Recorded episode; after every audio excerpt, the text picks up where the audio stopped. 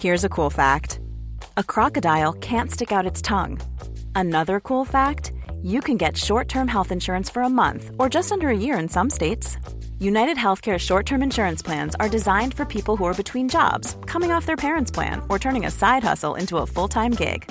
Underwritten by Golden Rule Insurance Company, they offer flexible, budget friendly coverage with access to a nationwide network of doctors and hospitals.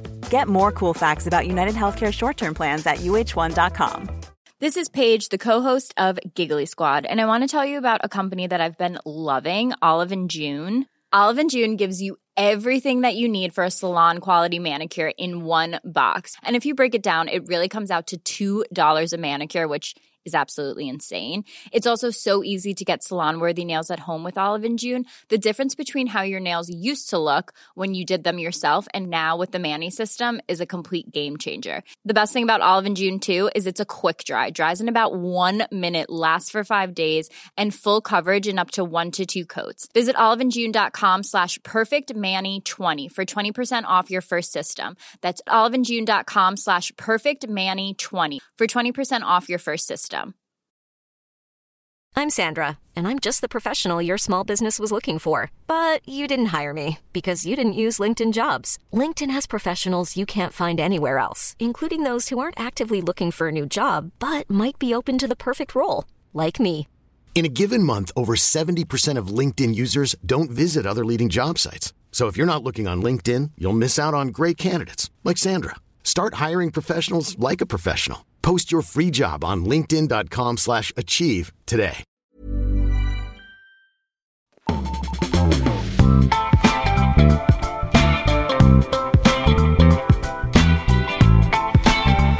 När ska den dagen randas? När ska den dagen gry? Då jag får sluta andas i denna jävla by. Brukade min morfar säga på skoj. En liten dikt han kommit på själv tror jag.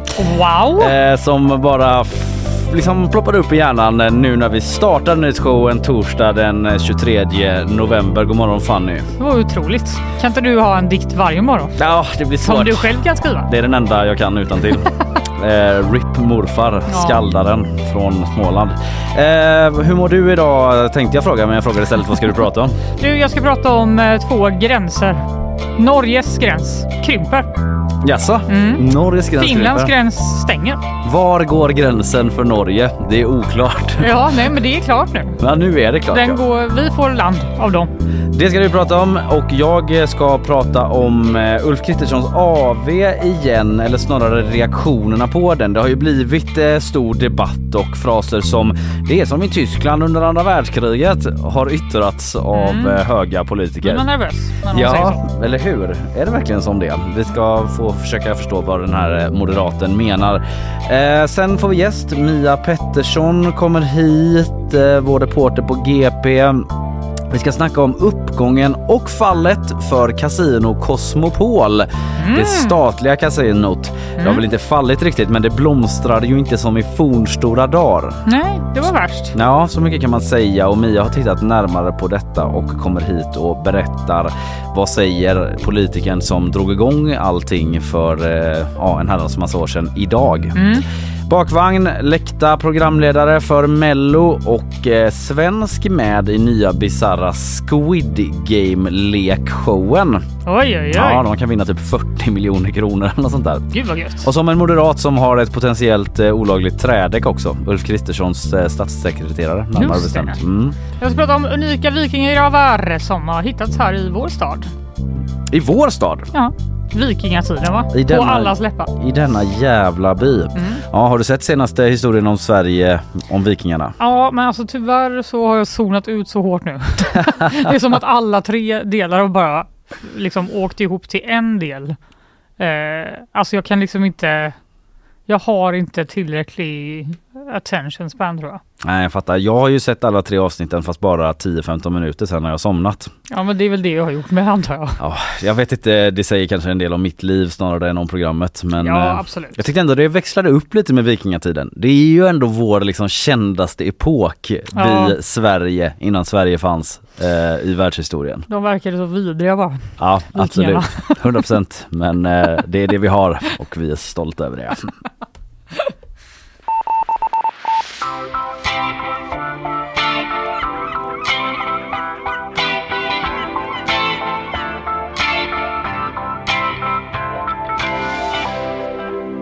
Sverige har blivit större! Grattis till oss!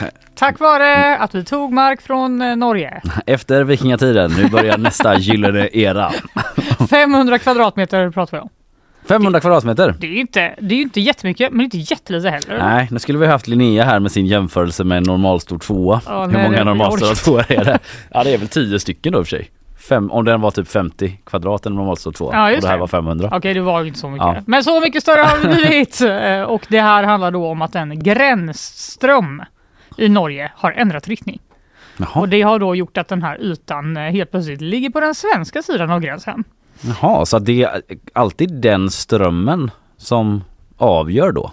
Ja, jag antar det. Som den om den byter sig. igen. Ja. Ja, det står inte här vad som händer om den byter riktning igen och typ varför den har gjort det.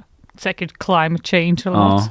Men eh, Ole Anker Rasch, som är mannen som äger marken då, Mhm. Han säger det är inte varje dag man blir uppringd och får veta att man har förlorat mark till sitt grannland. Nej, eller hur? Nej, eh, och eh, han har liksom helt enkelt eh, personligen då mist den här marken, alltså eftersom det rent då helt plötsligt Jaha. inte tillhör Norge längre. Han så kanske hade ett lite trevligt potatisland där. Va? Ja. Det här är Sveriges nu. Han bara No! Strömmen har tagit en genväg. Det verkar vara det som har hänt. Ja. Naturen tar sin gång och den förändrar vad Norge är och vad Sverige är. Det är inga stora värden, men ändå, säger Ola Anker Rasch. Jag så han verkar ganska cool ändå, trots att han blir av med sin... han tar det med jämnmod. Ja. Jag trodde inte riktigt det var så det fungerade.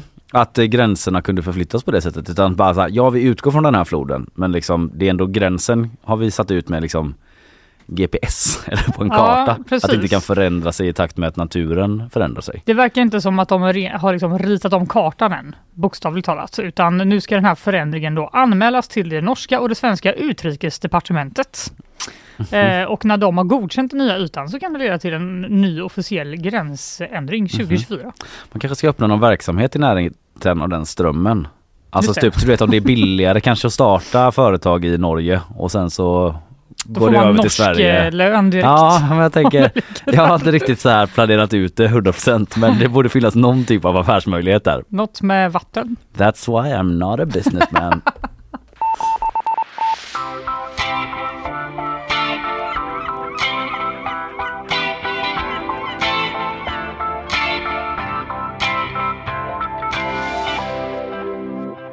Okej Fanny, vi har en kommentar angående vad som hände på Ulf Kristerssons AV på Pustervik och den kommentaren är att det påminner om Nazityskland. Mm. Jag blir alltid nervös när folk håller på. Tassar Ja. runt. När den referensen kommer. Ja. Okej tänker man, vem säger det här och vad menar han? ja, det tänker jag verkligen. För det är en han, det är nämligen M-toppen Johan Abrahamsson som är ordförande för Moderaterna i Västra Götaland. Han, eh, står det i vår artikel, anklagar invandrare för att ligga bakom kaoset som uppstod och säger att Socialdemokraterna har ett ansvar. Så står det i vår artikel på g.se. Dessutom har ju hela den här historien med Ulf Kristerssons eh, lite urballade AV då kommenterats eh, nu eh, av Ulf Kristersson och av socialdemokrater på riksplan och av forskare och lite alla möjliga. Så det har ju verkligen rört upp känslor och skapat debatt. Ja, jag tycker det var överallt i år. Ja, Det var överallt, Kalle. ja men det kan man förstå. Det är ju ändå eh, statsministern Ja. som blir avbruten av demonstranter. Det händer inte så himla ofta. Och eh, vi får väl ta en sak i taget då och börja med Johan Abrahamsson som är upprörd och tog till den här andra världskriget referensen. Han är ju upprörd, märkbart upprörd till och med när vi på GP ringde upp honom igår, står det i artikeln. Eh, vad är det för land vi lever i? Frågar han sig. Sverige. Retoriskt antar jag, men tack för att du svarade. Du kunde bara ringt mig om du ville ha svar Om på det var det. du som var reportern till den här artikeln så hade du bara Sverige och sen hade intervjun bara- varit slut. Din redaktör bara, fan hur går det med den här artikeln? "Eh, jag vet inte, vi kom inte så långt. Eller vi redde, vi redde ut den stora frågan direkt. Nej det var väl mer retoriskt då. Han tycker att det är respektlöst att störa frågestunden på det sättet som man gjorde då. De här eh, demonstranterna, de högljudda och han säger att när man dessutom sjunger kampsånger och hyllar terrorism då är det inte förenligt med den svenska demokratin. Mhm, Det var det han menade alltså. Ja det var det han menade. Han eh, återkommer till det. Ja det, med, det var det han menade med Sverige ja. Mm. Eh, men vår reporter frågar sen om just det här med Hamas-hyllningarna för det har väl ändå varit lite oklart på vilket sätt de Ja, ska ha skett på Pustervik. Ja, jag har inte fattat det riktigt. Nej, eh, vår reporter frågar så här. Jag har sett att folk buade mot Kristersson när han tog avstånd från Hamas. Men det är din uppfattning att Hamas hyllades? Det gjordes också, svarar Abrahamsson då. Men det skreks även Hamas i lokalen vid åtskilliga tillfällen, menar eh, Johan Abrahamsson då. Sen kommer han till det här med Nazityskland. Och det är i samband med att han kräver att andra partier ska ta avstånd från det som hände, inte minst sossarna och Magdalena Andersson. Han säger så här. Socialdemokraterna behöver noga titta igenom sin egen lista när, det, när de hela tiden brunsmetar Moderaterna. Så här gjorde ju tyskarna under andra världskriget. Då klampade man in och kidnappade möten precis på det sättet som vänsterrörelsen gör nu. Jag vet inte exakt vad han syftar på. Så här, nog för att tyskarna klampade in under andra världskriget. Men det kanske var främst att man tänker på så. Hela Polen! Att man klampade in där och inte Ja. på enskilda möten framförallt. Nej, jag fattar inte riktigt. Nej men han blandar ju också två grejer här men han menar väl att eh, det är någon slags, att man liksom på något slags auktoritärt sätt då trampar ner det fria samtalet. Ja, Om jag tolkar Ja. honom. Det är väl det han menar. Men sen det här med Socialdemokraterna då, han liksom ger inga konkreta exempel där på vad de skulle ha med tisdagens eh, demonstration och manifestation att göra. Det verkar mer handla om att sossarna enligt eh, Johan Abrahamsson då, eh, Johan- Abrahamsson då inte tagit avstånd från personer i deras parti som bryter mot deras riktlinjer. Men Aha, han ger Generellt liksom. generellt inte ja, att de personerna var där och skrek Hamas till exempel. Nej från Socialdemokraterna, nej. Nej. eller att sossarna skulle arrangerat det eller så. Det, det säger han inte rakt ut men han liksom länkar dem ändå samman på något sätt då. Han ger inga exempel. Eh, men han fortsätter att prata om att Mellanösterns konflikter får inte flytta in på våra gator som man säger. Att personer som flytt från krig och så vidare som kommit till Sverige för att få en fristad här, de borde så respektera våra regler. Då frågar vår reporter, vad säger att de här individerna har flytt hit? De kan väl lika gärna vara födda i Sverige? Då svarar Johan Abrahamsson, det är typiskt media att ge den vinklingen. Nu var det inte så. Du var inte där. Och jag var där. Eh, Slut på meningsutbyte. Vadå vinklingen? Han frågar ju bara Ja, om han visste att det var så. jag vet inte. Så och då svarar tolkar vi det som att han vet det då eftersom han var där. Ja, det är hans eh, bild De var inte hela. födda i Sverige. Eh, ja, eller hur? Ja, jag vet inte, är det det han menar? Det är också väldigt ett bold statement att kunna avgöra det okulärt. Men Mm. Ja, som inte är född i precis. Sverige. Det kanske var därför reportern frågade Ja, då. han känner, eller han är säker på att eh, så var det inte. Ja, ja, okej. Ja, det vi får... Lite frågor dyker ändå upp. Ja, Det, men vi fattar, han tycker det var piss. Att ja, de det, störde Ulf det, Kristersson. det är det vi får från Johan Abrahamsson. Kontentan, Mm. ja han tycker inte man ska få göra så här eh, och man undrar ju då vad säger sossarna om de här anklagelserna? Att de på något sätt eh, har ett ansvar för det som eh, sker. Mm. Då skriver Mattias Jonsson till oss, han är ordförande för Socialdemokraterna i Göteborg, han svarar skriftligen att Ulf Kristersson har gjort till sin strategi att försöka koppla ihop so- Socialdemokraterna med antisemitism och terrorromantik och att det är oerhört lågt, så lågt att han inte finner några ord. Oj, oj, oj. Ja men för det här blandas ju liksom, han menar att Kristersson istället borde liksom ägna sig åt to, att, att dämpa tonläget och det spända läget och försöka eh, samla Sverige snarare än att vinna partipolitiska poänger. För allting, det blir ju lite rörigt det här men det blandas ju ihop i den ständigt malande åsiktskvarnen detta med eh, när Ulf Kristersson i riksdagsdebatten också pratade om att det finns en terrorromantik bland sossarna som Just han menar och hänvisade till Jamal El-Haj och Magdalena Andersson ryckte ut i hans försvar och så vidare. Så det är liksom ett sammelsurium av alla de här strömningarna och argumenten och skeendena som är ganska svåra att reda i liksom. Mm. Ja, Men sten läggs på sten på något sätt. Och Kristersson eh, pratade om terrorromantik eh, i Sverige igår igen då när han snackade med SVT. Eh, första gången jag såg eh, honom uttala sig live i alla fall Mm. om eh, det som hände på Pustervik. Eh, och då pratade han om terrorromantik i Sverige då, alltså inte sossarna. Han sa det finns en slags terrorromantik i Sverige som jag är otroligt bekymrad över, säger han.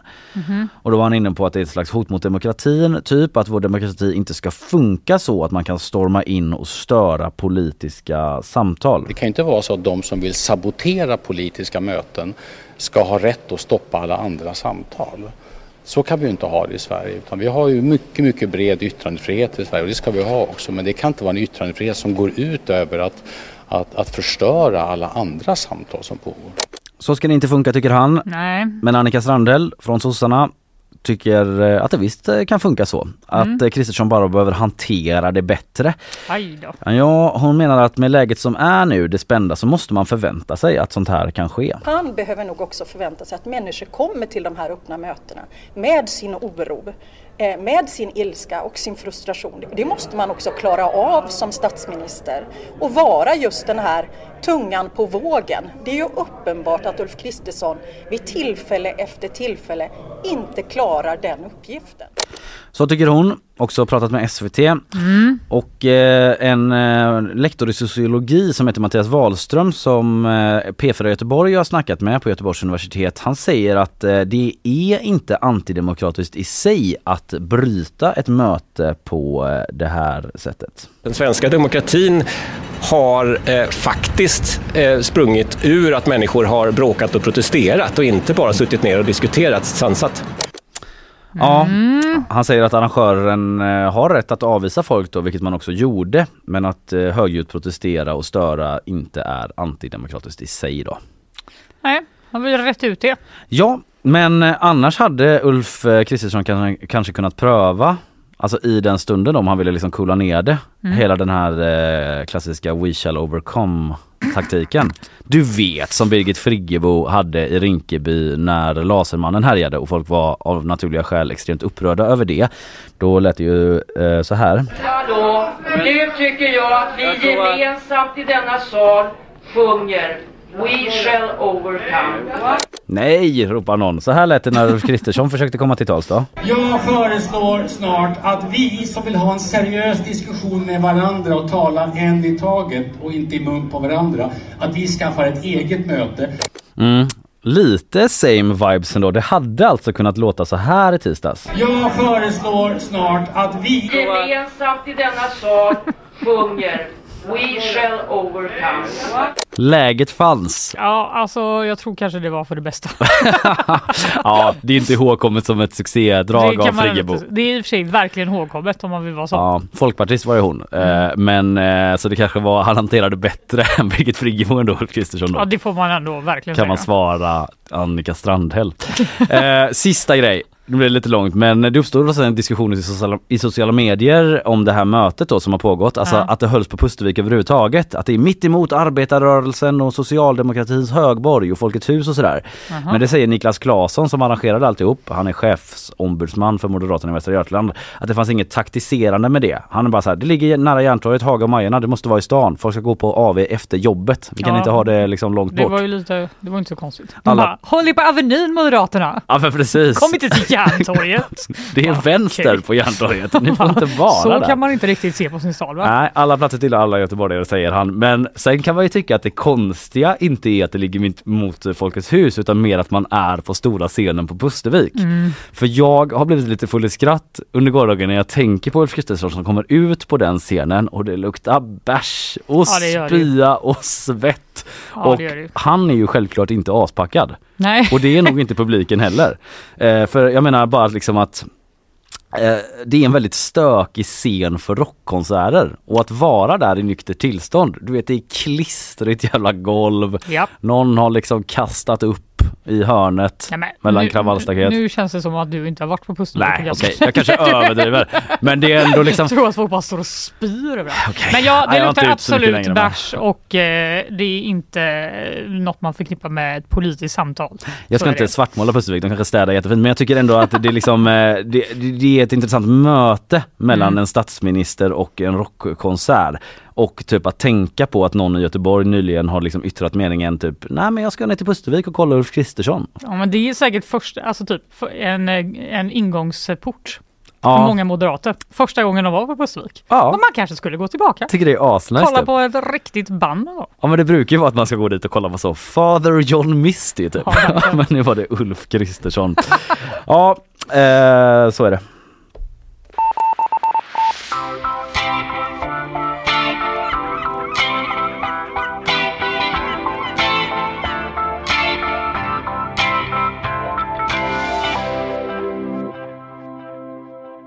De kanske får testa lilla scenen där uppe på Pustervik. Ja det hade varit mycket mysigare. Ja, den är inte lika nära urinoaren heller. Eh, och eh, Kristina, flyger iväg på stolen. du är inte så nära stolen jag men nu är du det. Ja. Nu är jag här. De är lite Och nu vanskliga vågar jag inte liksom röra den här micken idag. Nej gör inte det. Nej, Men som har följt mig under veckan har liksom Din- fadäs på fadäs här. Kristinas Så, nu står den där den resa. står. Nu kommer Emelie här ändå Ja, och va? grejer lite med det. Ja. Ja, där är vi på tackar. plats. Ja. Eh, du Kristina, Ja. du är ju här för att ge oss ett nyhetssvep. Ja, tack. Varsågod. Den högerextreme politikern Gert Wilders blev den stora segraren i det nederländska parlamentsvalet igår. Wilders EU-kritiska och invandringsfientliga parti PVV blev största parti, vilket få hade trott. Men det kommer att bli svårt för Wilders att forma ett styre. Flera andra partier har sagt att de absolut inte kommer att sitta i regering med PVV. Det planerade utbytet av gisslantagna israeler mot palestinska fångar dröjer. Tidigast imorgon fredag kan en utväxling bli aktuell. Det uppger israeliska regeringens säkerhetsrådgivare. Anledningen är att det fortfarande pågår samtal med Hamas om villkor för uppgörelsen och även den tillfälliga vapenvilan skjuts på framtiden något. Något som också dröjer är Sveriges NATO-medlemskap. Turkiet har nu meddelat NATO att man inte kommer att kunna fatta ett beslut om Sveriges ansökan i tid till NATO-toppmötet i nästa vecka. Tidigare har det funnits förhoppningar om att just detta möte skulle vara starten för Sverige i NATO. Men så blir det alltså inte. Gaslightingen pågår med full låga Nu från börjar det bli så pinsamt. Men vilket uttal på vil- Wilders. Jag försökte Jag det- och så känner jag samtidigt så här, man får inte liksom överdriva, eller hur? Nej. Man måste liksom försvenska namn, men jag ändå kände Wilders. jag tyckte hur? du landade Ja, bra ja, tack, där tack, i tack. din avvägning. Nu kommer jag aldrig våga säga. Nej, han har ändå varit länge, med länge. Skärt. Stjärt Wilders. Ja. Stort tack för det Kristina, Ja, det kommer tillbaka lite senare med fler eh, nyheter. Vi går vidare.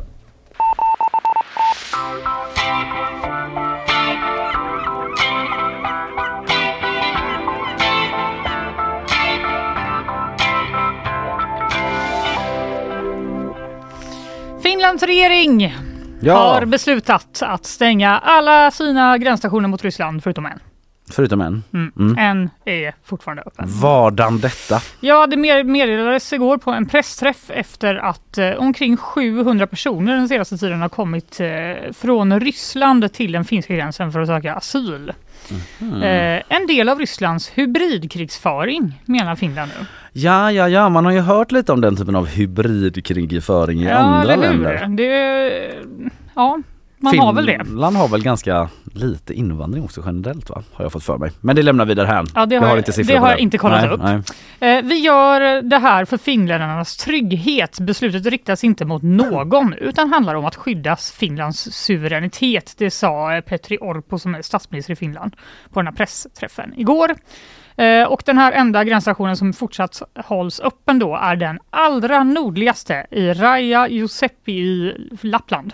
I Mm. höjd med Murmansk på den ryska sidan och norr om Kiruna på den svenska sidan. Murmansk, det är liksom inte vajande palmer direkt. det Nej, är inte går några eh, chart, det är det ingen krävs- Bamseklubb där uppe som finns. Exakt, det krävs en ansträngning för att ta sig dit menar Orpo. Han bara, jag säger bara en sak. Det krävs en ansträngning. Ja, de flyktingarna vill vi ha. Om man lyckas ta Om man tar sig dit, då är man fan välkommen in. Ja. Sa han absolut inte. Nej, han sa bara skulle man kunna det säga. krävs en ansträngning. Om de så tar sig över Medelhavet också. Det skulle då. man absolut kunna Ja. säga. Men eh, Finlands gränsbevakning då, de har byggt temporära stängsel vid vid två av landets gränsövervakningar och eh, man har också bett Europeiska gräns och kustbevakningsbyrån Frontex Mm. om assistans i den här situationen. Man har också tidigare stängt fyra av nya gränsstationer men det har alltså inte varit tillräckligt för att få bukt med då den här ökade asyl... eh, Just det, för det blir också en eh, EU-gräns såklart ja. Man Det tänker ju ofta på EU-gräns. Italien och nere vid Medelhavet. Men det är Ja, klart det, precis. via Finland och Ryssland också blir det då ja. Ja exakt, men vilka är det som kommer till de här gränserna då? Vi ska höra ett klipp här från Sveriges Radios Finlandskorrespondent Karina Holmberg. Bilder visar hur grupper av människor kommer till de finska gränsstationerna, ofta på cykel trots snö och minusgrader och dåligt klädda med tanke på de tuffa väderförhållandena. De kommer från länder som Jemen, Pakistan, Syrien och Somalia. De kommer alltså i eh, tunna kläder på cyklar genom snön från länder i Mellanöstern och Afrika. Och i tisdags förra veckan kom det 35 asylsökande till gränsstationen Salla som ligger i finska Lappland från Ryssland då. Eh, och trots att det var minus 20 så kom många av dem på cyklar. Något som förvånade den finländska gränspatrullen då det är 7 mil till närmsta mindre ort och 17 mil till närmsta stad på den ryska sidan. Ja det är ju att man höjer på ögonen lite. Ja, då är det... Alltså, du kan ju tänka dig att de stod där inne och bara Ursäkta? Mm. Nu kommer det Kommer de. 35 Vi cyklar runt i cyklande asylsökande. Ja, exakt. Och det har också då i veckan cirkulerat diverse bilder på hundratals asylsökande som väntar vid en av de här gränsövergångarna i Finland då på sociala medier och de ska då bo i tält trots att det är minus 20 grader. Right. Eh, en humanitär kris menar man från Rysslands håll. Drygt 300 personer från mer än 10 länder har väntat, inte i timmar utan i dagar på att få korsa gränsen. Det säger Andrei Shibli som är ledare för den ryska regionen Murmansk då, som gränsar till Finland. Mm. Eh, och han säger att det är jättekallt där och ändå låter inte Finland dem Mm. komma in. De står, det är inte okej. Nej. Men varför släpper man inte in dem då? Ja, Mm. det är så kallt. Vad handlar det om? Jo, eh, jag läser på g.se att de här asylsökande då riskerar att hamna i ett slags limbo. Eller ett ingenmansland mellan då den finska och ryska gränsen. Mm. Eh, försvarsutskottets eh, vice ordförande Mikko Savola har sagt till finska huvudstadsbladet att de här människorna helt och hållet är på Rysslands ansvar. Eh, men samtidigt så kan man ju inte låta dem frysa ihjäl utan man har ställt upp uppvärmda tält vid gränsen Mm. där de får vara då under natten. Ja, det är ett av de strängare ingenmanslanden ändå. Ja, mellan Finland och. Ryssland nära Murmansk. Exakt. Jag kan tänka mig skönare platser. Eh, Man kan tänka sig skönare platser helt klart. Och anledningen är helt enkelt att Finland eh, de anklagar rys ryska myndigheter för att ha låtit de här migranterna passera genom landet och sen uppmanat dem att söka asyl i Finland Mm. istället för i Ryssland då. Mm. och eh, man menar helt enkelt att de har transporterats till gränsen av ryska gränsvakter som har då sagt där borta kan ni cykla. cykla Mm. Ja. bort och söka asyl. Som Eh, del av hybridkrigföringen. exakt, det är Mm. helt enkelt orkestrerat av ryska myndigheter då, som ett sätt att destabilisera Finland efter att man ansökt om NATO-medlemskap, Mm. menar Finland då. Mm. Mm. Eh, I en intervju med nyhetsbyrån Reuters så säger Finlands utrikesminister Elina Valtonen att eh, landet har bevis för att ryska gränspatruller skickar migranter till Finland och de kräver nu att de slutar med det. Kreml säger att det är russofobi. Ja, det är liksom ja, en gammal visa lite grann. En som man har visa, hört ja. tidigare faktiskt. Exakt. Eh, oavsett vad som händer nu då så är det en ganska krånglig situation för Finland eftersom det är då en slags avvägning mellan landets säkerhet men också den humanitära aspekten och eh, asylrätten. Mm. Så det är helt enkelt en, eh, ett bråk om vems ansvaret är. Ja, eh, och här människor i mitten då. Exakt, Som, eh, som ett hamnar i det här politiska spelet. Ja. Japp, men Finland är faktiskt inte ensamma om att eh, anklaga Ryssland för det här. För i förra veckan gick Estland ut och sa att vi är också redo att stänga gränsövergångarna mot Ryssland om det här migrationstrycket ökar. Mm. De har också eh, sett då en ökning av asylsökande. Under torsdagen, alltså för en vecka sedan, så kom till exempel 19 somaliska och syriska medborgare till gräns, en gränsövergång i- i Estland. Men de skickades tillbaka till Ryssland som de inte sökte asyl eller hade grund för att vistas i Schengenområdet, Nähä. menade myndigheter i Estland då. Och de har också sagt att det här kan vara någon slags rysk hybridkrigföring mot dem. Mm. Och igår kväll sa även Norges statsminister eh, Jonas Gahr Støre att han också öppnar för att stänga landets gränser mot Ryssland om det blir nödvändigt. Den lilla gränsen där, eh, Ja. då är man norrut. Då är man norrut. Gränsen mellan Norge och Ryssland. Exakt. På, Men, på eh, cykel. På cykel ja. Ja. Men det beror ju på hur nära man släpps. Ja, Antar jag. givetvis. Eh, De eh, följer situationen i Finland och Estland noggrant. Mm. Så eh, möjligtvis har vi tre då stängda gränser mot Ryssland inom en snar framtid.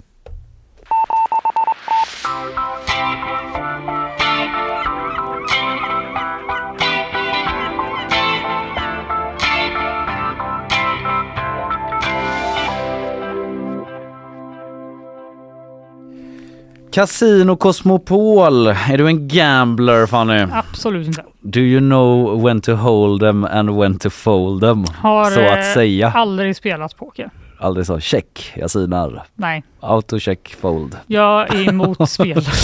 Jag förstår, det är ju inte staten Sverige för det finns statliga kasinon. Casino Oh! Cosmopol ju som ju eh, lanserades eh, med pompa och ståt som en vacker idé för att skapa jobb liksom och dra in pengar till staten och sådär. Och det gick ju bra i början, sen gick det sämre. Vi ska prata med Mia Pettersson som gjort ett jobb eh, för oss på GP om detta. Vår kollega om Casino Cosmopol och dess uppgång och och eh, stundande fall eventuellt. Häng kvar, det blir mycket intressant. Det är nyhetsshowen 23 november, torsdag. Fanny Mik. Hej! Fanny Mik? Fanny Mik? Fanny Mik, Fanny Vik menar jag såklart. Ja. Och eh, vi ska nu eh, prata om eh, staten och kasinot. Den omöjliga kärlekshistorien eventuellt. Casino Cosmopol, alltså vårt statliga kasino, det började ju med en eh, vacker idé om att skapa jobb, få bort svartspel och boosta turismen. Men idag så blöder verksamheterna pengar och här i Göteborg är var femte anställd varslad. Hur blev det så Oj. här då?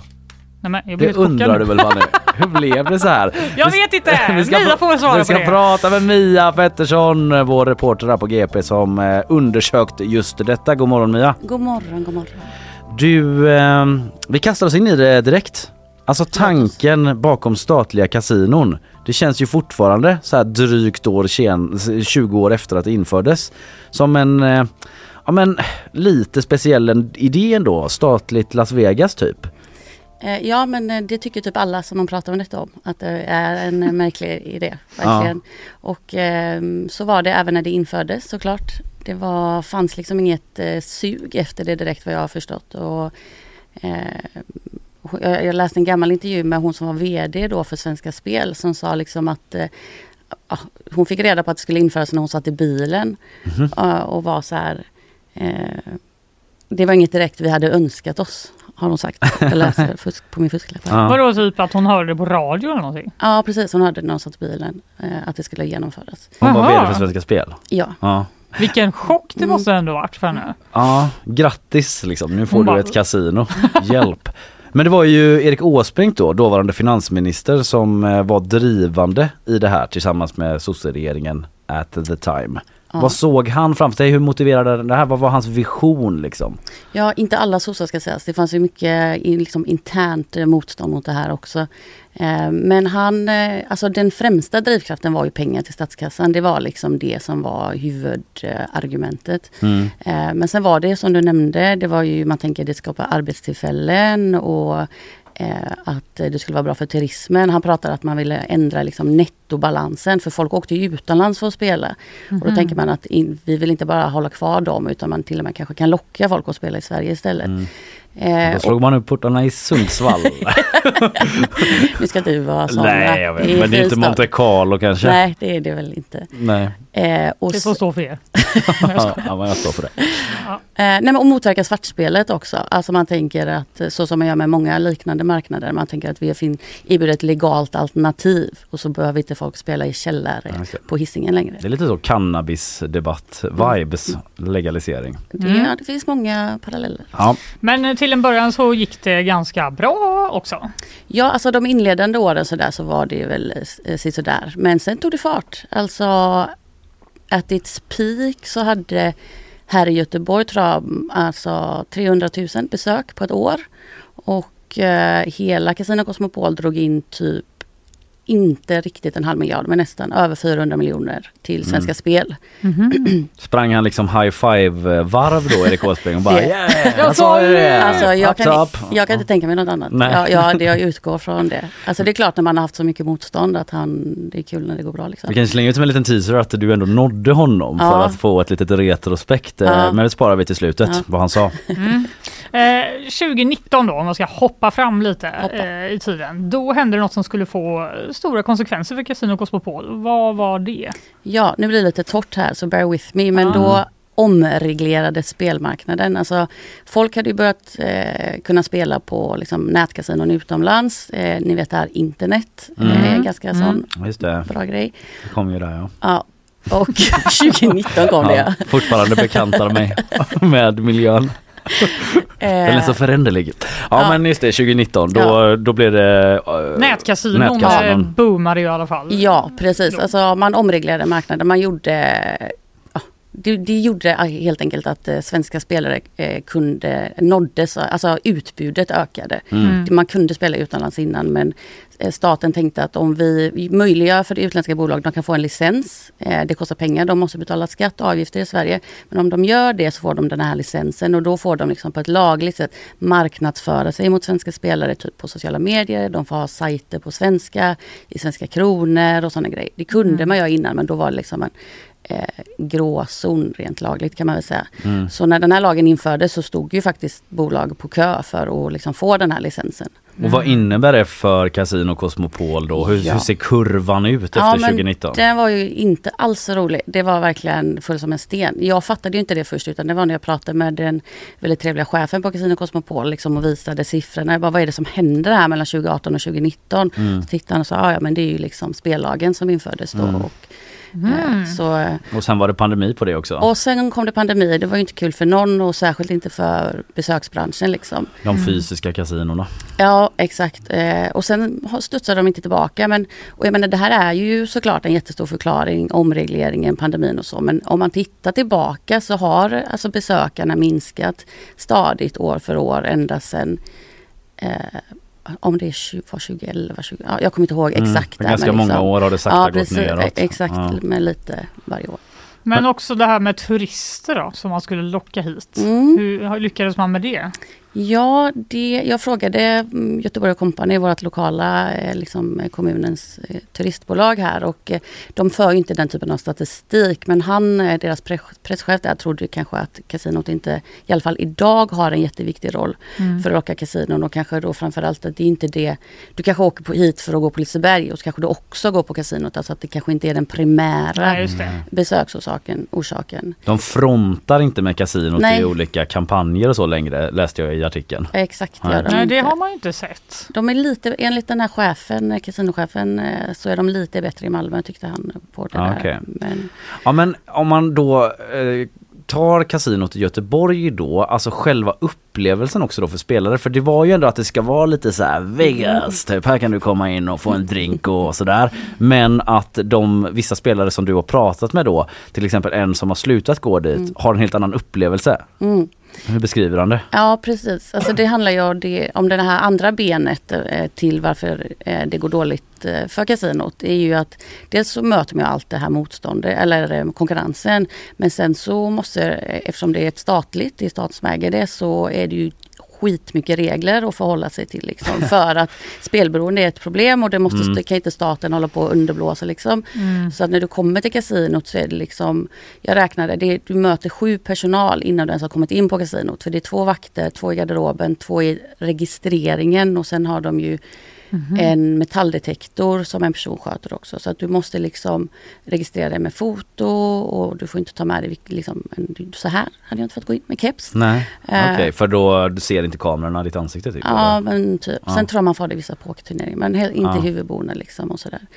Så, Okej. Det var en som tyckte att det var förnedrande. Ja, men det är ju framför allt då den här, en annan grej som har tillkommit att eh, det, det kallas för carded play, vilket innebär att när du spelar så måste du hela tiden registrera dig med ditt medlemskort. Om du spelar liksom på en apparat så stoppar du in det i apparaten. Och spelar du typ på ett pokerbord så ger du det till eh, dealen och så blippar de det och så dyker ditt liksom, din bild dyker upp på en liten skärm. Och då kan de hålla koll på hur länge du spelar, hur mycket du spelar. Så att om du har liksom ett osunt, eh, vad de tycker då är ett osunt spelbeteende så kom, kan du få liksom som ett sorts, typ ett kvartssamtal eh, av Mhm. personalen där de liksom eh, ja, de kallar det för omsorgsarbete och som sagt man förstår ju att eh, staten måste göra det här för att eh, Mm. spelberoende är ett problem. Men de, som spelar tycker ju att det kan upplevas förnedrande. Mm. Det var några som berättade att, ja, men, om sina föräldrar som har spelat jättemycket på kasino på, runt om i världen. Och, ja, det är liksom en grej de tycker är roligt att göra. Och så får de frågan om man har nu ni verkligen råd med det här. Och då upplever man ju det kanske som ja, Mm. eh, ja, förnedrande. Typ, vad vet ni om det? Ja men lite så kanske. Men vad är det för stämning där inne då? Det låter ju inte som det festligaste man har hört kanske. Alltså, eh, jag måste säga, jag, jag har varit där både på dagtid och på kvällstid och jag tycker faktiskt att på kvällstid det, det var alltså mer livat än vad jag hade förväntat mig ändå. Mm. Jag skulle nog inte använda den här liksom Finlandsfärja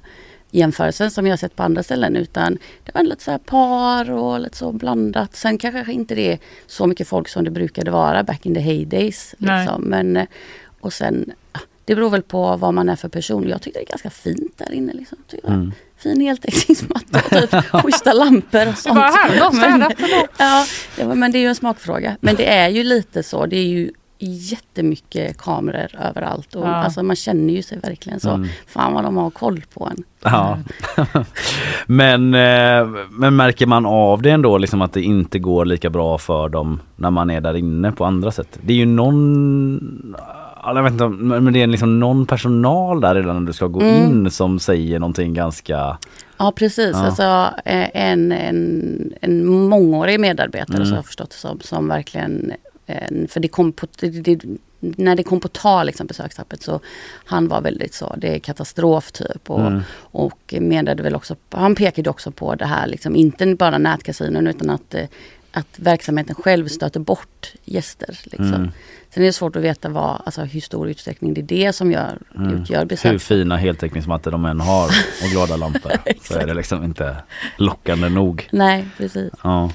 Men om man ska titta framåt lite då. Du Mm. har ju försökt få svar på hur framtiden ser ut för våra statliga kasinon och Ja. hur länge de ska få blöda pengar innan staten får nog helt enkelt. Ja. Vad har du fått för svar? Ja men det har varit inte så många alls får man Nej. väl säga. För det är klart att man undrar det. För eh, jag menar ett av huvudargumenten för att ha det här var ju att ja, men det är pengar in till staten och nu så har ju istället Svenska Spel fått skjuta till pengar till kasinot. Alltså, Så det kostar helt enkelt skattepengar Det att kost- ha det öppet. Ja, precis just nu. Sen nu håller man ju på att banta ner som ni sa, man drar ju ner på folk och liksom man gör andra åtgärder för att liksom, eh, komma i balans.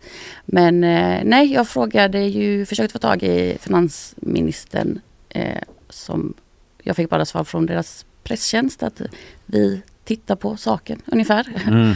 Och ehm, inte heller Svenska Spels VD. Han är ju avgående. Han ska börja på Telia tror jag. Han vill Mm. inte heller prata utan han hänvisar till en annan artikel i Dagens Industri. Där han sa liksom att, där han fick den direkta frågan, liksom, finns det kasinon om fem år? Så, och det kunde han inte svara ja på utan Mhm. sa väl Mm. typ det är en utmanande. Kolla den här artikeln där jag säger att jag inte vet. ja men typ så. Ja, jag fattar. Också för Elisabeth Svantesson då, finansministern, att det är också Ja. en sån där puck när man sitter med inflationen. Ja, hon bara, "Jag bryr mig liksom inte!" ja, ja, för det sa jag. Jag frågade också Erik Åsbrink, liksom, hur viktigt var det här under din tid som finansminister? Och då Han som införde det ja. Mm. Ja, det, Mm. exakt, Mm. exakt. Det var verkligen, det verkar verkligen ha varit hans hjärtefråga. Det är det folk säger liksom. Mm. Men då sa han, nej inte så jätteviktigt. Det var mest en kul krumelur. Okej, som står där än bara, idag. men nu betalar ju vi miljontals kronor för Ja. att det ska fortsätta vara så. Ja, ja, du, du fick inga svar helt enkelt. Vi, det är oklart. Precis, och jag, men jag antar att om de får en ekonomibalans så kanske de fortsätter. Och får man inte det så Mm. Då finns det ju som Erik Åsbrink sa liksom inget argument kvar för att ha dem. Nej. Eh, Antar jag. För svartspelet verkar det också ja, tveksam, oj, tveksamt om det har liksom eh, Ja, man kan läsa din artikel som är ute på gp.se där du kommer in lite på det också att det finns ju lite svartklubbar och sådär i Göteborg vad det verkar men som eh, har rullat på, som har överlevt Casino Cosmopol då. Det har de gjort. Om man säger Sen är så. det ju till sin natur svårt att säga något om svarta marknader, hur stora de är och så. Men Mm. det finns ju absolut svarta spelklubbar kvar i Göteborg, Mm. så mycket kan man säga i alla fall. Tunga tider för Casino Cosmopol, vi får se om de hämtar sig och eh, när Elisabeth Svantesson då har tid att eh, sätta sig ner och titta på detta och vad hon kommer fram till. Eh, tusen tack eh, Mia. Pettersson, eh, Stora Journalistpriset nominerade Mia Ja, Pettersson kan jag ja, väl få ja, lägga ja, in ja, ändå. Inte så- vinnare dock ska sägas. Nej, nej, nej. Viktig, viktig synd, alltså. Det är en viktig detalj men du ska ändå sträcka på dig Mia, det ska du. Du, stort tack för att du kom hit och pratade med oss. Tack Kalle.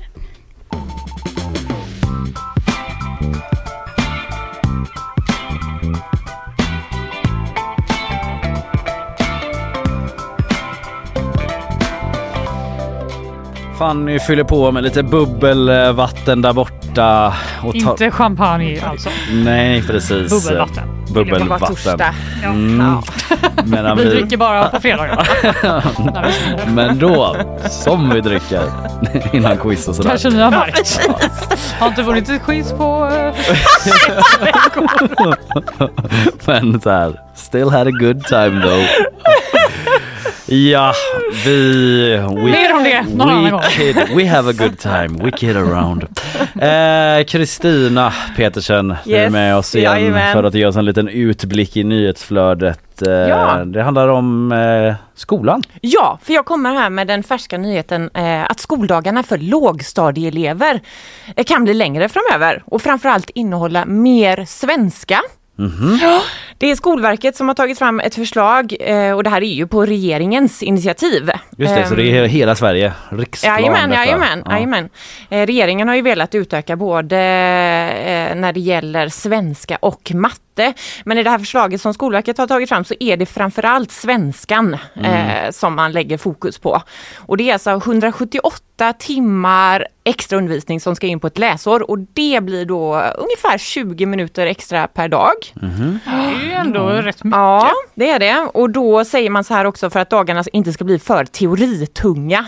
Då måste det också in mer bild och slöjd och teknik och idrott. Jaha, Vi tjoffar på.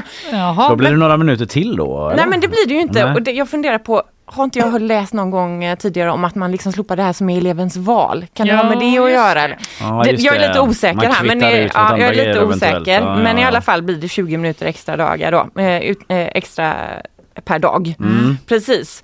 Ehm, och eh, ja, men regeringen, det kan man väl tillägga att de ville ju ursprungligen att undervisningen skulle utökas med uppemot en timme per dag. Men det har liksom Skolverket eh, eh, utrett och kommit fram till att eh, eleverna kommer bara inte palla De- det. de liksom. pallar inte det. De är Nej. ju, Jag kommer- går ju lågstadiet Mm. också. Så är det. Så är Ja, det. Gamla. det. Är så små. Ja. De bara, en timme! det är ju typ som en dag. Ja. Lite. Vi har bara en sån här eh, tv på rullvagn. så här, vi kan inte visa hur mycket. Men Nej. precis. Ja, vi jag får vet inte se vad det det var för här... skämt ens men mer att man, om man har så mycket undervisning man måste fylla det med någonting. Ja, liksom. precis. Det klarar nog lärarna i och för sig men ja, jobbigt för eleverna om det tar för mycket eh, tankekraft. I kanske. guess. Mm. Vi får se när det här kan bli verklighet. För Skolverket menar ju att eh, skolorna måste få tid att förbereda det här och, och rekrytera fler lärare. Det går ju liksom in eh, pengar. Ja det eh, regnar ju inte slöjdlärare till exempel vad jag har förstått. Just det. är lite så bristyrke bland annat. Det kanske är ett av de största Tror jag. problemen med den här förändringen. Men Kanske. Vet, ja, nej, jag vet inte Man skjuter in sig på helt fel Ja. perspektiv. Typ. Ja okej, eh, men det är ett förslag alltså som ska utredas då? Var det det du sa? Eh, vad sa jag egentligen? Mm. Det är det eh, förslaget som Skolverket presenterar för regeringen ja, nu. Okej, som Ah. regeringen ska ta ställning Ja, till. då, jajamän, så är det. Ja, det blir ju intressant att se vad de eh, tar för ställning då Mm. i Mm. frågan. Tusen tack Ja, Kristina. varsågod. Hej!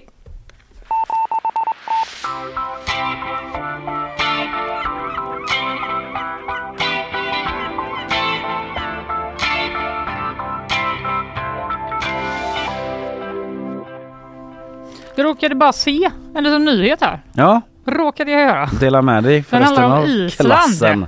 Island. Mm, alltså det var Du väl ett rör tag dig i sedan. de nordiska länderna idag Fanny. Korrespondent Ja. för Norden i Mm. nyhetsshowen. Kommer inte lämna mitt skrivbord men har ändå koll. Om man säger så. Skrivbordskorrespondent för norra Klassiskt arbete. hemosfären. Eh, nej men det känns som att vi inte har pratat om det på ett tag, vad som händer där va? Med vulkanen och det, Ja. magmatunneln. Exakt, men nu läser jag att myndigheter på Island överväger att använda kraftfulla pumpar för att kyla ner eh, lavan med vatten. What? Det låter det värsta Armageddon-style eller som någon Eller sorts sci-fi-film typ. De menar att det ska liksom både kunna kyla ner och leda bort lava vid ett eventuellt vulkanutbrott då nära samhället eh, Grindavik. Mm. Det är ju jättebra att det inte har blivit något eh, vulkanutbrott eh, nära samhället. Men det var ju redan för, eh, ja det är väl nästan två veckor sedan nu som det var så här. Det kan handla om dagar eller timmar. Ja! Så det är väl dagar då? De första, ja det är typ ganska exakt eh, typ 11 november står det här. Tusentals mindre skalv. Mm. Ja, tiden rusar fram. Men den här metoden ska i alla fall, de har inte bara hittat på det nu för att de har sett en cool film. Utan Nej. det har då tydligen varit ett framgångsrikt eh, sätt vid ett annat utbrott på 70-talet. Då Mhm. sprutar man vatten på. Men enligt ett eh, uttalande då från Islands meteorologiska institut eh, igår kväll så minskar risken för ett kraftigt vulkanutbrott för varje dag som går. Okej, så, Så, nu det är verkar vi... liksom lite så. Magmaflödet och den eh, seismiska aktiviteten uppges vara på en lägre nivå än tidigare. Ja, ja. Det ska, har lugnat ner sig. man ska väl inte ropa hej då Det ska men... man inte. Men eh, de här evakuerade kommer i alla fall få tillåtas resa hem och hämta tillhörigheter nu de Mm, mm. kommande dagarna. Ändå skönt att ett sånt eh, gammalt eh, klassiskt knep mot eld, eh, att spruta vatten på det, ändå fortfarande är i tapeten. Some Det- things never change. Det är också någonting med att man själv hade typ kunnat komma på Ja. men om man liksom tar en stor Vad tror pump ni och bara om? liksom pumpar ner vatten under jord. Om du ställer dig i havet Ja. och så pumpar jag här. För jag hade ju varit lite beredd på att bli utskrattad ur eh, det här krismötesrummet. Verkligen. Som jag av någon anledning befann mig i när jag kom med Man den bara, idén. kalla in Men Kalle någon bara, Berg! Där sa du något, det gjorde vi ju redan på 70-talet. Man bara, jag, jag vet. Eh, Det var, Det var absolut det den jag jag tänkte på. refererade till. Ja, okej. Men, men eh, eh, möjligtvis lite lugnare på Island helt enkelt.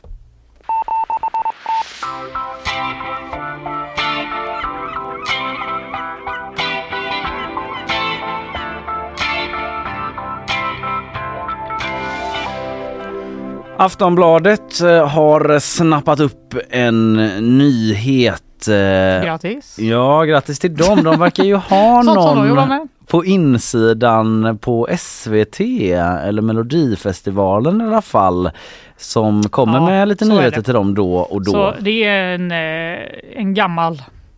Alltså de har alltid allt ja, först. du som gammal kulturredaktör och så vidare. Att de inte har hittat den personen Ja, som berättar allt för jag dem. får inte leta upp källor men eh, Är det... Nej men jag menar, det borde ju inte, även om de inte letar aktivt, Nej, om det nej. varit såhär tio år. det, ja. Att Aftonbladet bara, här är alla artister! SVT bara, det är ju! Aftonbladets reporter Torbjörn Ek Ja. med kepsen på sned. De kanske ger Hade han honom, förr i alla fall. nu bara konspirationer kommer här från mig. Mm. Kanske gör det med flit. Ja för att få lite uppmärksamhet och så Mm. som eh, de ju inte får annars. Nej. De bara, SVT vad? Ja precis. Melodifestivalen? Melodi. Har vi inte hört talas om? Festen? Nej Ja. festivalen, jaha. Eh, nej men eh, det är jävligt oklart i alla fall men eh, Torbjörn Ek och Aftonbladet kan avslöja då om den nya superduon som Mm. värvats inför årets tävlingar. Såg pusharna igår. Mm, som programledare och då är det Karina Berg och Björn Gustafsson den eh, yngre. Tror du de kommer spela den låten då? Eh, du menar eh, kanske den eh, här låten? Du är en doft, du är ett ljud, du är en färg Denna sången är till dig Karina Berg Och publiken går upp i brygga och även jag hemma framför det relativt eh, nyuppfunna Youtube Ja, just 2008. det. För att när den här låten kom det var ju också när Björn Gustafsson var som störst och senare när det blev mer eller mindre utbränd och försvann ett bra Ja, tag. det här är typ det enda han har gjort. Ja. Jo, ärligt talat. Jag kan inte gjort- komma på en enda annan grej han har gjort. Han bodde ju i LA och sådär, USA ett Ja, tag. vad gjorde han där då? Ja, han var med lite grann i några, han hade ju en sån miniroll i någon film och lite sådär. Och sen har han Det gjort här är det enda han har gjort. han har gjort lite andra svenska filmer. Well. Men, men alltså, så- alltså i, Men han gjorde det bra. i kontrast mot hur jävla hypad han var då Mm. så är det ju som att bara hallå vad hände där egentligen? Men eh, det är ju Han var så söt och han sjöng så fint. och han var så ung och eh, en annan ung liten göteborgare kunde ju ändå relatera på något sätt då. Satt där och liksom Var du också kär i. Carina Berg? Inte, inte innan den här låten. Sen när man såg henne sitta där i publiken och le i mjugg. Jag vet inte. Nej men eh, jag tyckte ju det var fullständigt otroligt jätteroligt. Eh, den fortsatte ju så här. Carina, jag tror vi två passar bra ihop. Häng med mig hem till Göte, tog ju slut med Christian Lok. Vilket hon ju gjorde ju. Hon bara okej, okay, jag tar den här sportkillen. Ja det blev ju inte Björn Gustafsson då utan det blev ju han eh, Erik Berg som han heter numera då. Ja, just Den tidigare Djurgården och landslagsspelaren eh, som eh, hon eh, gifte sig med. Men skitsamma i alla fall. De är tillbaka här nu då i SVT enligt den här källan som säger det är väldigt få som vet om det ännu. Lite smagg sådär. Skvallerbytta bing bong. Eller? Alltså man har ju så eh, källskydd och det är fritt fram att lämna åsikter. Men det är liksom lite, lite sådär man kan tänka sig Simon J Berger i, i historien om Sverige smilet typ. Schmugface deluxe. Men jag säger det igen. Det är väldigt få som eh, vet om det nu. Mm. Men nu kommer ju du skriva det i Aftonbladet. Så. Ja, så nu är det ett gäng till. Ja. Det känns som en superduo, säger en källa med insyn. Karina är jättetrygg programledare så ingen behöver vara orolig över, över vem som ska klara av att hantera allt eventuellt strul som en direktsändning innebär. Som vadå Björn Gustafsson ska stå för då? Carina Berg kommer ta hand om det här. Ja, men det är Period. typ också att, att den här källan liksom, det känns som en superduo. Karina Berg är toppen. Slut på mening om Och Björn duon. Gustafsson är också söt. Ja, nej men eh, det är nog, eh, ja men jag mindes ju glada goda tider liksom. När eh, Björn Gustafsson stod på sin höjd och eh, till och med jag, eh, ja, jag tittade inte ens på Melodifestivalen men såg det här klippet och liksom kunde njuta av det. Du känner att det är, eh, det är en succéduo? Kanske. Det att kanske det är 15 år sedan? 2008 var det Åh ja. Ja men det kanske är för att locka tillbaka en sån eh, liksom 30 Ja. something målgrupp. Att man gör det här. Ja, liksom, jag tänker inte att, eh, Anis Don Demina nu då som kanske har lite yngre målgrupp. Ja, för vi kanske är de som inte kollar på Mello. Ja, Kan jag det vara tänker så? det och nu kanske de gör, gör en liten satsning här för att vi ska göra det genom att ta in de här liksom 90-tals nostalgipersonerna. Eller tidigt 2000-tal menar jag. Eh, Mm. Även om de fortfarande är aktiva idag. Men eh, så är det i alla fall. Det blir Superduo. kul att se deras kemi tycker jag. Mm, verkligen.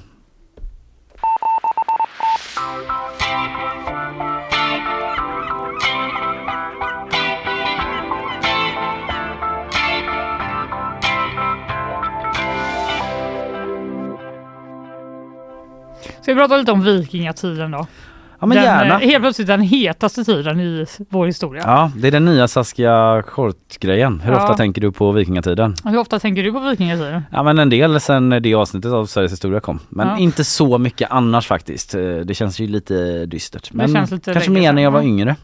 Ja, eh, nu har de i alla fall hittat då unika vikingagravar vid Valhallabadet. Ja, vad passande. Vad passar? Att det som heter de, så. Att jag typ också känner...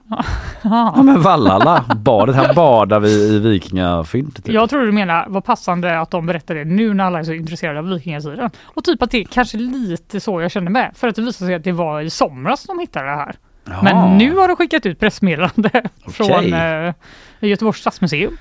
Där ska de ju eh, bygga och ha sig runt Valhallabadet också. Ja, det är därför de har hittat det då. Va? För Mm. att i somras när man var där och grävde så eh, hittade de helt enkelt det här. Det visar sig att det innehåller lämningar från vikingatiden. Helt unika fynd säger Ulf Ragnesten, arkeolog på Stadsmuseet. Eh, rester från vikingatiden är överhuvudtaget inte kända i centrala Göteborg. Det är första gången man hittar det. Okej. Eh, och det är faktiskt inte osannolikt att det skulle kunna vara ett helt gravfält. Visst finns det flera tidigare gravfält från vikingatiden i kommunen, men de ligger alla utanför centrum i Askim och Säve och Frölunda. Mm, det här är liksom downtown vikings. Ja, de, de som bodde, de som På ville bo centralt. som, som hängde där. De som ville ha lite sus och dus omkring sig. Ja. De borde... Tjena! Stod där inne. Roundkickade någon kompis bara för att flexa för tjejerna och så vidare. Så måste det vara. Ja. Eh, jag läste på gp.se då att det började med ett par milda förhöjningar. Mm. Eh. Och arkeologerna bara, milda förhöjningar? Låt oss gräva och pu- liksom pensla väldigt långsamt. Exakt. Ja. Eh, Och försiktigt. De gjorde en kort anspråkslös översikt av Burgårdsparken. Det är ju den som ligger liksom. Ja, Vem är det som säger att den var anspråkslös? Det är Jonathan Bengtsson. Ja, okej. Reporter på gp.se. Lägg en liten värdering i. Ja, det var lite oklart. Ja. Eh, vid vår, eh, våra undersökningar i parken så noterade vi förhöjningarna och där hittade vi också brända ben som vi har skickat upp till ett laboratorium i Uppsala. Och de här resultaten som kom tillbaka då var obestridliga. Det är från vikingatiden. Och eh, den här parken kan då rymma fler äventyrliga lämningar. Wow! Ja, eh, det skulle kunna vara både bålplatser. Va? Äventyrliga lämningar i en park. Det Ja.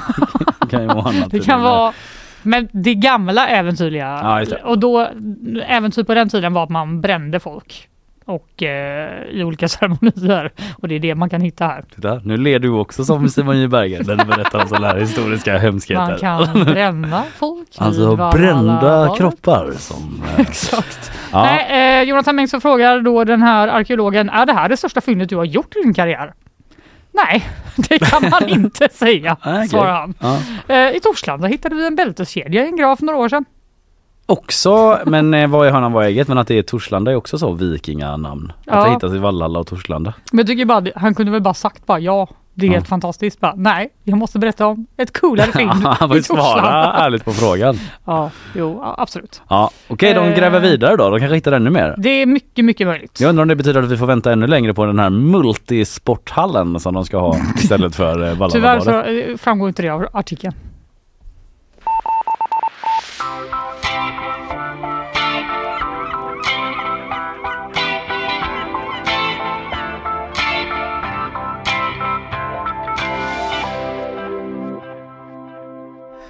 Jag vet inte om du har sett det här att det ska komma ett eh, lekprogram eller gameshow eller vad man säger på Netflix eh, baserat på Squid Game.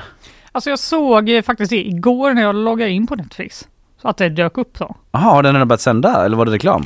Jag vet inte, jag klickade inte på den. För att Nej. jag såg Squid Game men det var verkligen motvilligt. Att jag tyckte den var så äcklig. Mm. Att jag satt och bara "Ugh", Ja den är ju väldigt obehaglig sjukt såklart. obehaglig. Men sen så kände jag ändå att jag var tvungen att se klart den. Den handlar ju för alla som mot förmodan har missat det om en massa människor som eh, mer eller mindre kidnappas eller åtminstone efter lite oklara omständigheter hamnar på eh, någon slags ö i någon slags gigantisk facilitet och så ska de spela olika sådana typ skolgårdslekar. Mm. Och de som eh, förlorar lekarna dör.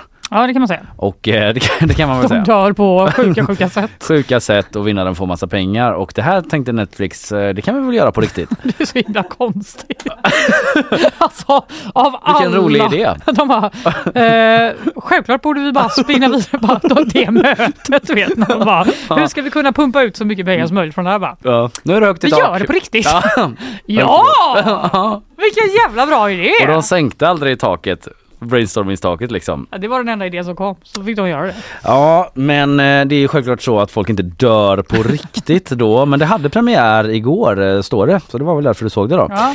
Eh, Och en annan nyhet är att det är en svensk deltagare och vi- inte vilken svensk som helst utan, eh, det är väl inte skillnad på svensk och svensk så men det är en kändis. Anna Salin, artisten och skådespelaren, känd som eh, Salén. Ja, men hon var med i Barnen i Bullerbyn när hon var liten. Men det är inte det hon är mest känd för kanske.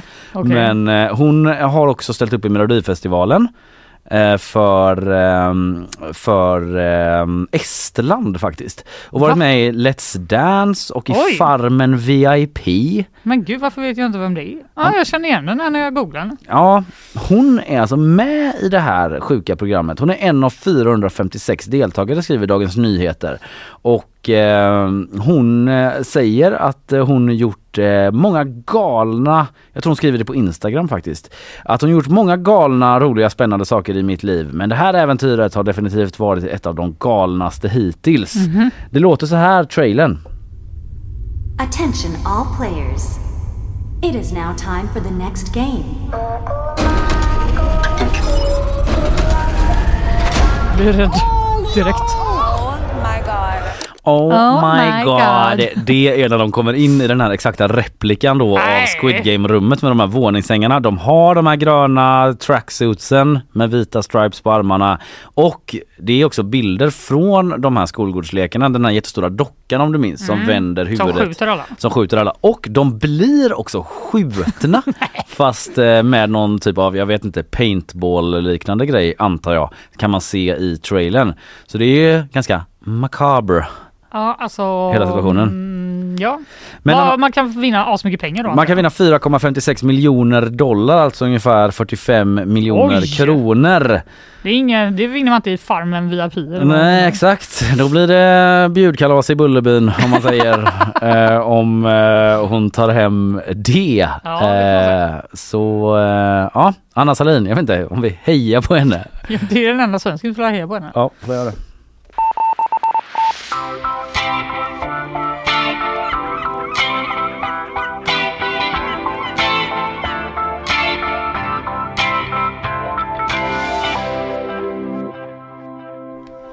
Kalle, det finns ju en sak som eh, förenar oss på vår redaktion.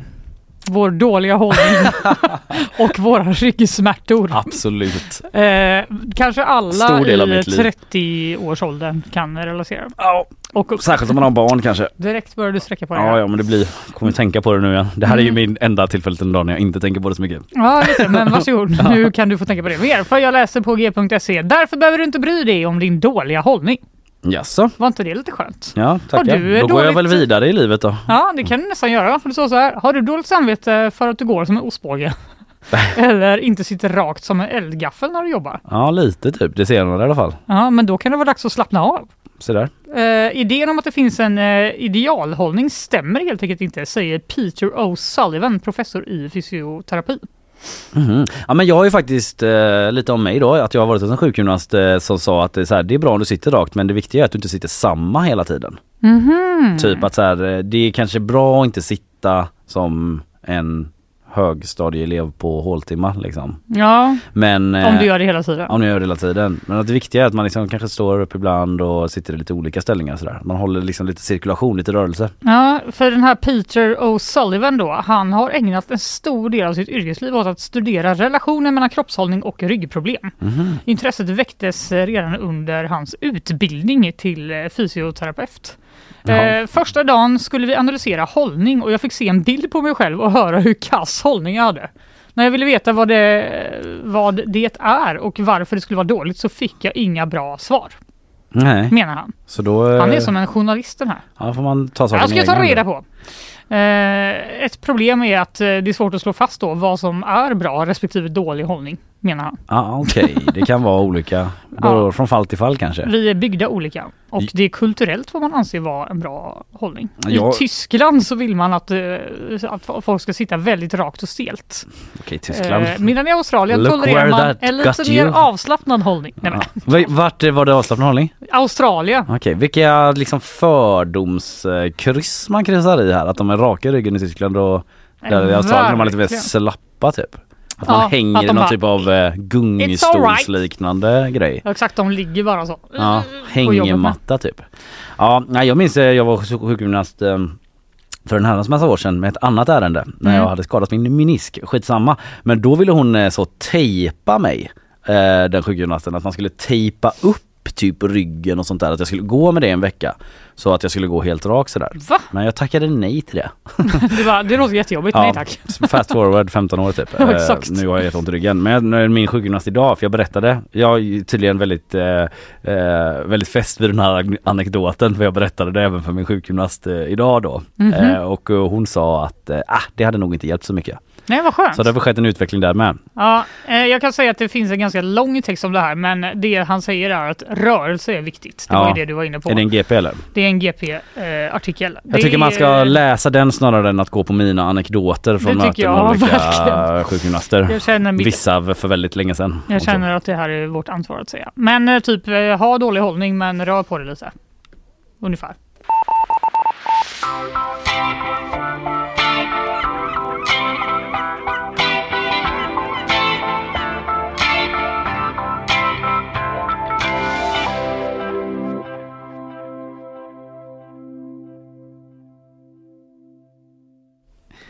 En annan eh, politiknyhet som gått lite under radarn i det här eh, eh, nyhetsflödet som vi befinner oss nu är att Ulf Kristerssons statssekreterare Mm. Johan Jakobsson, han är polisanmäld Ja, för det. artskyddsbrott och miljöbrott och detta för att han har byggt en stor eh, jävla, ett stort jävla trädäck ute i Ja, skärgården. jag sätter någon drönarbild på den Mm, här. här är den. Lite svårt Ja. att se exakt vad trädäcket är men eh, Alltså hela bryggan eller vad man ska säga ser ju helt otroligt stor ut. Men... Ja, ja men eh, det är i alla fall så. Det är Aftonbladet som rapporterar om det här att han har en sommarstuga ute på en ö utanför Sand, Sandhamn i Stockholms skärgård. Mm. Och där har eh, han eh, byggt det här trädäcket då och eh, frågan ligger nu på eh, eh, bordet hos eh, NOA. Mm. Alltså den här nationella operativa avdelningen då liksom. Mm. Det är väl för att det har med politiker att göra. Frågan finns hos oss för bedömning säger Per-Erik Lindbäck till Aftonbladet. Och det gäller då som sagt artskyddsbrott och miljöbrott och brott mot strandskyddet och olovlig vattenverksamhet. är den liksom samlade rubriceringen. Och utredningsläget bedöms vara gott skriver Ja, är bara gå dit och kolla. Ja, de har ju den här drönarbilden då liksom. Och eh, det kan sluta med att han måste återställa hela det här området då. Riva trädäcket antar jag. Och eh, det har liksom, det har liksom inte blivit en jättegrej det här men det har ändå bubblat lite grann om det. Det känns som det har kvävts lite av andra saker som typ hänt Ulf Kristersson. Det är ju hans statssekreterare men nu frågar alla om det här med, eh, Mm. med AWn på Pustervik till exempel. Just det. Och andra grejer. Men, det har inte blivit eh, någon sån Allgate. det har det inte blivit eh, men oppositionen och är kritiska då såklart och även tidigare partikamrater inom Liberalerna Eh, Folkpartiet, han har varit med där tydligen, tydligen tidigare då. Mhm. Eh, som, eh, det är en källa då som säger i Aftonbladet så här. Han fick sparken som parti- partisekreterare i Folkpartiet på grund av den så kallade spionskandalen. Han har en tvivelaktig kompass säger en tidigare partikollega till Aftonbladet. Jaha. Ja och eh, Tobias Baudin eh, säger att han är en återfallsförbrytare. Okej. Han är ju sosse Tobias Baudin då, Ja. partisekreterare där. Så det är ändå ganska hårda ord då. Och, eh, men han friades, eh, alltså han lämnade posten som partisekreterare i Liberalerna 2011 men friades från alla anklagelser i tingsrätten då. Så han är inte dömd för någonting ska vi säga. Vad var det för anklagelse? Förlåt. Nej men det var ju det här som eh, de pratade om eh, spionskandalen. Vad är det? Och eh, det var ju någonting som, eh, som hände då. Jag vet, alltså förlåt, jag vet faktiskt inte exakt vilken skandal. Alltså här, Jakobsson var en av sex medlemmar i dåvarande Folkpartiet som åtalades för anstiftan till dataintrång. Efter att eh, avslöjandet 2006 om att partiet gjort intrång i Socialdemokraternas Mhm. interna datanätverk. Ja men det minns man Ja, väl lite grann va?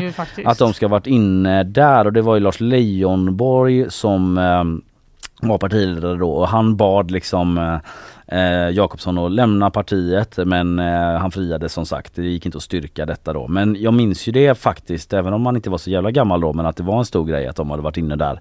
Det var väl i valtider då också Ja, 2006. precis. Mm. Så nu är han i blåsväder igen då och eh, då drar alla hans eh, motståndare, en del eh, anonyma då, källor till Aftonbladet, upp de här gamla grejerna.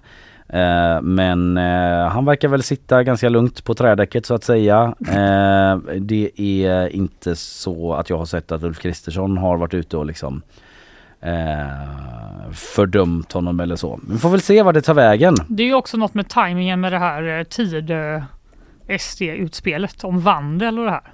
Ja just det, att precis. det blir lite så eh, att det är tråkigt att vara misstänkt för ett brott då eh, oavsett. Ja det är väl inte ett sånt eh, brott som eh, man blir statslös av då som vi pratade om igår. Han får bo på sitt trädäck. Men. Kristersson säger faktiskt att Johan Jakobsson agerade i god tro om eh, trädäcket till, eh, till eh, Dagens Nyheter.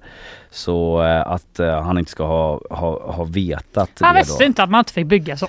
Nej men precis, han har beskrivit det där väl själv tycker jag säger Ulf Kristersson. Som han säger, han trodde att han gjorde rätt grundat på ett gammalt beslut. Ja, Ja. Så Ulf Kristersson verkar vara trygg med sin Han tar det medarbetare lugnt.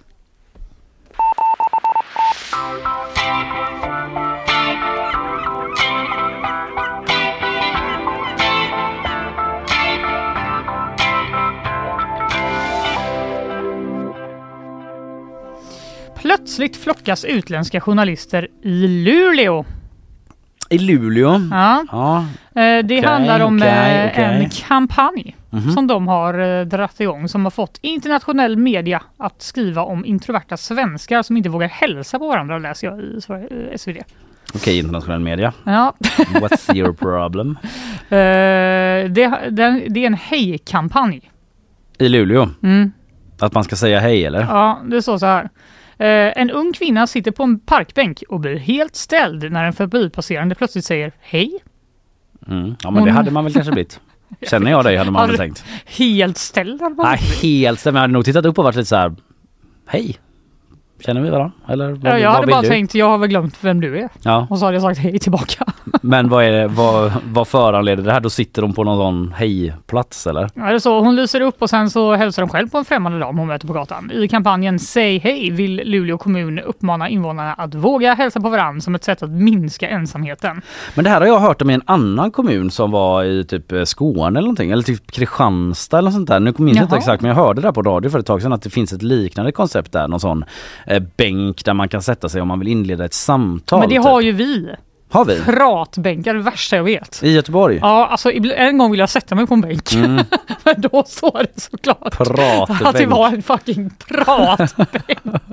Så att om, någon, om man sitter där, då kan man bli tvungen att prata med en Ja. främling. Alltså va? Det vill inte jag. Jag var tvungen att gå vidare. Nej men det är exakt sådana här människor som dig som vi vill liksom eh, omvända i samhället Fanny. Nej, jag tror inte det är rätt väg att gå. Men här i alla fall, den här kampanjen då skulle nå kommunens 8, eh, 80 000 invånare men har fått stor internationell eh, uppmärksamhet. Bland annat har den blivit omskriven i brittisk, amerikansk, sydafrikansk, fransk och japansk media. Där svenskar beskrivs som introverta, eh, bland annat orsakat av vårt kalla klimat. Men är det så här i alla de här andra länderna att folk typ sitter på en bänk och bara hej på dig då? Hur har du det själv då? Liksom, jag antar eh, det. Jag tror inte det. I USA är det ju definitivt det. I USA kanske det är det. Frankrike de bara Dra åt helvete! Ja, sätter man sig där och bara ça va? Typ. eh, Typ kanske också att man klagar på något eller vad. Ja, Det här är ja, verkligen fan man kanske gör det då. Det kanske är så. Ja. Ja, they're trying to break the ice in Chile, Scandinavia, skriver New York Post i en artikel. Och det är ändå även... eh, lite trötta spaningar. jag vet, jag tycker att det börjar bli lite så. Det är som att eh, det här med Tyskland eh, har rak hållning och i eh, alla i hängmattor i Australien. Ja, det är som vi skriver i vår Och tidning. I Sverige sitter alla bara huttrar och Exakt. pratar inte med varandra. Med, Ja, det är väl sant som ostbåg. Ja. Det är ju sant. Eh, Tysklands motsvarighet till SVT har gjort ett inslag. The Guardian har varit i Luleå och mött lokalinvånare för att försöka förstå varför svenskar är så dåliga på hälsa. De kände sig som apor i bur där uppe i Luleå typ. Alla De kommer bara, bara kom inte hit! Gör, eh, hälsa inte då. Kan inte du bara inte hälsa? Typ Nej. att man vill att de säger do your trick typ att inte hälsa. Men jag tycker det också, är det här är det här verkligen en lyckad kampanj för Luleå? Att vi, de är så kända för att vara typ världens mest introverta folk där nu. Ja men de försöker göra någonting åt det i alla fall då. Ja, den här kampanjen då eh, kostade 50 000 kronor så det är väl en succé ur den synpunkten i alla fall. Ja. Eh, och eh, de, eh, de, målet var öka trivseln i Luleås kommun som vintertid har tre timmar dagsljus per dag. Mm.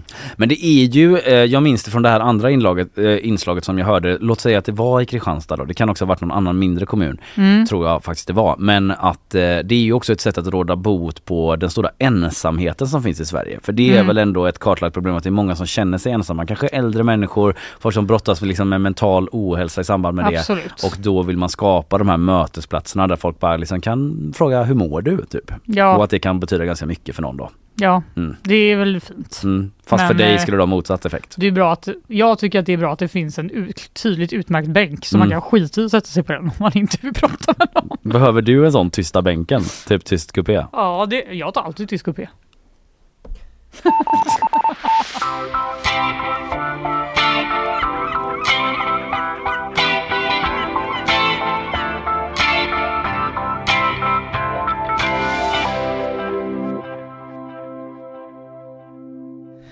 Alltså det ska bli film för tredje gången av en intervju. Mhm. Och eh, du vet kanske vilken intervju det handlar om? Eh, nej. Det är prins Andrew-intervjun, skandalintervjun. Minns du den eller?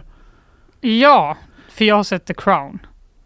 Ja, är den med där till och med? Är de framme så långt i tiden? Ja, För det här är ju eh, en intervju från 2019. Jaha, nej då är det inte den. Nej, det här är en av modern, eh, det är modern tv-historia kallas det. Tv-journalisten Emily Maitlis intervjuade prins Andrew efter eh, anklagelserna om eh, ja, men hans eh, Jaha, det här med sexköp, ja. och så Ja, vidare. Och eh, han konfronteras av henne då att han ska ha köpt eh, eller tvingat sig till sex från en 17-årig flicka. Mhm. Och eh, då eh, går hon in på detaljer kring den här kvällen då. Att de skulle ha dansat och sådär men också att han svettades ymnigt eh, under den här kvällen. Och det var ju då, det var ju flera saker som var speciella med den här intervjun men det var ju då han liksom försökte bemöta det här med att eh, han svettades så mycket och att det faktiskt inte är fysiskt möjligt att han eh, gjorde det. There's a, there's a slight problem with, with, with, with, with the sweating um, because uh, I, I have a peculiar medical condition, which is that I don't sweat, um, or I didn't sweat at the time, and that was oh actually yes, I didn't sweat at the time because I um, ha- had suffered what I would describe as an overdose of adrenaline in the Falklands War when I was shot at. En överdos av adrenalin under Falklandskriget eh, Åh! som utspelar sig något tidigare ändå. Man känner ju bara sluta prata nu.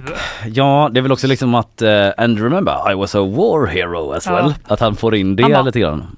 The Falkland War. Det är också att han liksom ändrar sig lite grann mitt i, eller liksom söker efter bara uh, yes, uh, yes I had this condition in fact. Typ som att det kanske inte var förberett att han skulle ta upp det. Det låter lite som att han hittar på det i stunden. Även om vi inte vet det. Det vet vi inte. Nu ska det här i alla fall bli en eh, tv-serie på BBC, eller nej, eh, på Amazon. En tredelad tv-serie om intervjun. Eh, Och eh, det har blivit eh, film två gånger tidigare då. Netflix har meddelat att man ska, eller okej, man ska filmatisera boken Scoops om hur BBC fick till intervjun överhuvudtaget. Och 2002 gjordes en musikal med Kieran Hodgson om den så kallade svettintervjun då skriver SVT. Jaha. Så eh, nu kan vi få se det här igen fast dramatiserat då. Åh herregud. Ja, det är ju en, eh, det är ju en intrikat historia bakom om den här eh, vänskapen till eh, Jeffrey Epstein då. Som Andrew ska Mm. ha haft, att de ska ha haft en relation och ja det är ju någonting som man förstår att det kan bli en intrikat dramahistoria av. Mhm. Kan man väl ändå säga. Ja du Fanny, vi eh, börjar väl runda av va? Om du inte har något mer att tillägga. Nej. Idag har vi eh, pratat om att eh, Norge krymper. Ja, och Sverige växer. Ja, på bekostnad av Norge då. Jag Mm. pratade om eh, en liten uppföljning kring detta med Ulf Kristerssons AV. Det är som i Tyskland under andra världskriget tyckte en moderat om hur folk betedde sig där och vi försökte reda lite i vad han faktiskt menade med det Mm. och höra lite andra så kommentarer i debatten kring vad som hände på Pustervik och AWn där. Och du snackade också om Finland som stänger eh, alla gränsövergångar förutom en mot Ryssland eftersom de menar att eh, ryska myndigheter skickar dit asylsökande. i ett hybridkrig då. Ja, Detta så är det. nyord nästan som man har fått lära sig om de senaste åren. Sen hade vi Mia Pettersson här också, Mm. vår reporter på GP som eh, granskat Casino Cosmopol, det svenskt, eh, svenska statligt ägda kasinot Mm. som ju eh, började så bra, de blomstrade. Nu ser tiderna annorlunda ut. Vad beror det på och hur ser framtiden ut för det här eh, numera kanske lite otidsenliga projektet då? Ja, det får man säga. Vi eh, hörs imorgon igen. Ja. Ha det gött! Hej då!